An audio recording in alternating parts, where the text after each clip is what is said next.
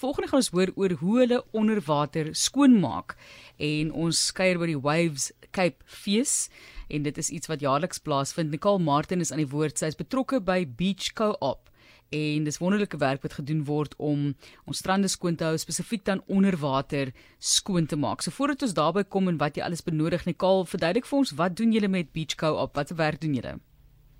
Ja, dankie. So the Beach Co-op is 'n nuwe winsgewende maatskappy wat gebore is uit 'n begeerte om iets aan die see terug te gee. Dit het begin as 'n groep vrywilligers wat in 2015 plastic rommel versamel het waar hulle brandende plank gery het by Surface Corner in Mazenbath. Maar in die afgelope 2 jaar het ons fokus verskuif van slegs die verbetering van plastiekrommel na die opbouing van plaaslike gemeenskappe wat omgee en ons marine omgewing wil beskerm. Dis 'n enorme taak. Ons weet hoe moeilik dit is op hierdie stadium om ek jy weet 'n persent van wat daar onder ons oseane lê te probeer skoonmaak is eintlik verskriklik as jy daaraan dink.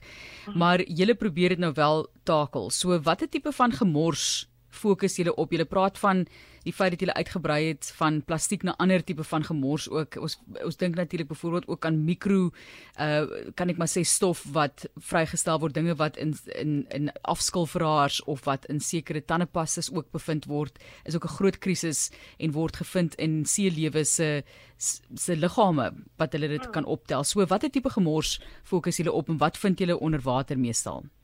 Mm. Uh, so vandag het, het, on, het ons baie vislene sinkers in plastic sakkies gevind. En um, die definitie van microplastiek is een stuk plastic kleiner als halve centimeter. Microplastiek is dat rechtig klein en wordt meer, meestal met behulp van een microscoop geïdentificeerd. Dus ook om ons dit micro noemen. So hierdie is dus macro skoonmaak van ons tel groot stukke plastiek op wat ons met ons oog kan sien. Ja, onmoontlik eintlik om die mikro jy weet uit te haal jy sal dit met sif jy sal letterlik die sand moet begin sif en selfs dit sal nog steeds moeilik wees.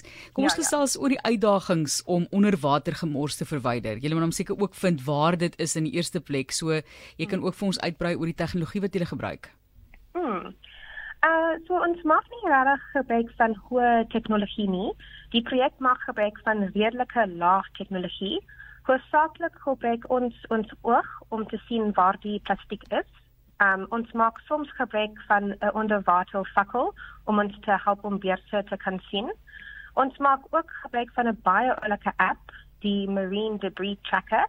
Hierdie app maak gebruik van wat ons biowetenskap wetenskap noem of in Engels citizen science. Dit is die algemene publiek wat data versamel en op die app kos. Die data word uh, reg oor die wêreld versamel en burgerwetenskap is baie belangrik vir die beach corp. Um en hierdie app is baie waardevol want dit dra by tot ons eie navorsing en ook wêreldwyd wêreldwyd word dit deur ander navorsers en instellings gebruik. Nou op die oomblik word afval herwin. So wat doen julle wanneer julle nou daai gemors bymekaar het? Uh, hoe vervoer julle dit en waarna toe vervoer julle dit? Mm. So al die rommel word sorteer en word herwin en ons werk saam met Kaapstad om um seker te maak dat al die herwinne rommel by die regte instansies afgelaai word. Ja, ek sien uh, nou op die foto van die span wat daar sit wat Ignatius ook vir ons aangestuur het en jy later op um, rsg.co.za kan gaan kyk. Dit lyk my baie na 'n klomp surfers, né, wat daar by mekaar mm. sit. Ja, ja. Ehm um, dit is waar. So wie is almal betrokke? Ehm um, dit's eintlik net 'n klomp wonderlike vrywilligers wat seelefhebbers, dekers, seegebruikers en lede van die publiek is. The Beach Club het 'n baie netwerk van vrywilligers en van ons wonderlike vrywilligers was vandag hier. En en watter vaardighede het jy nodig om deel te neem?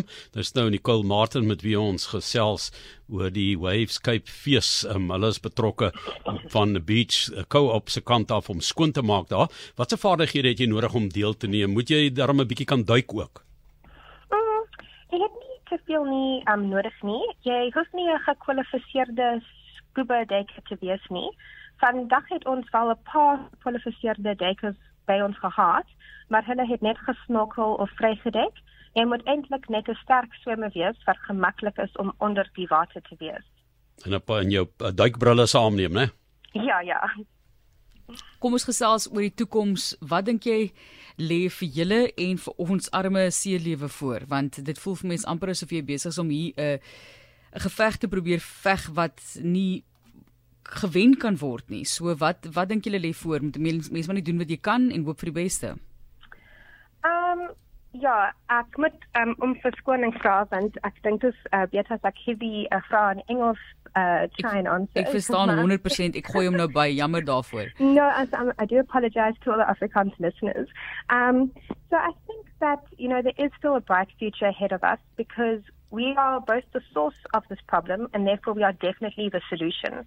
And I think people get overwhelmed with the plastic problem, but everyone just needs to keep in mind that even if you just do your little bit, it all actually accumulates and then we can actually achieve a lot. So as long as we all put our weight together and just try and live more sustainably within our own means, we can definitely tackle this problem and have a bright future ahead.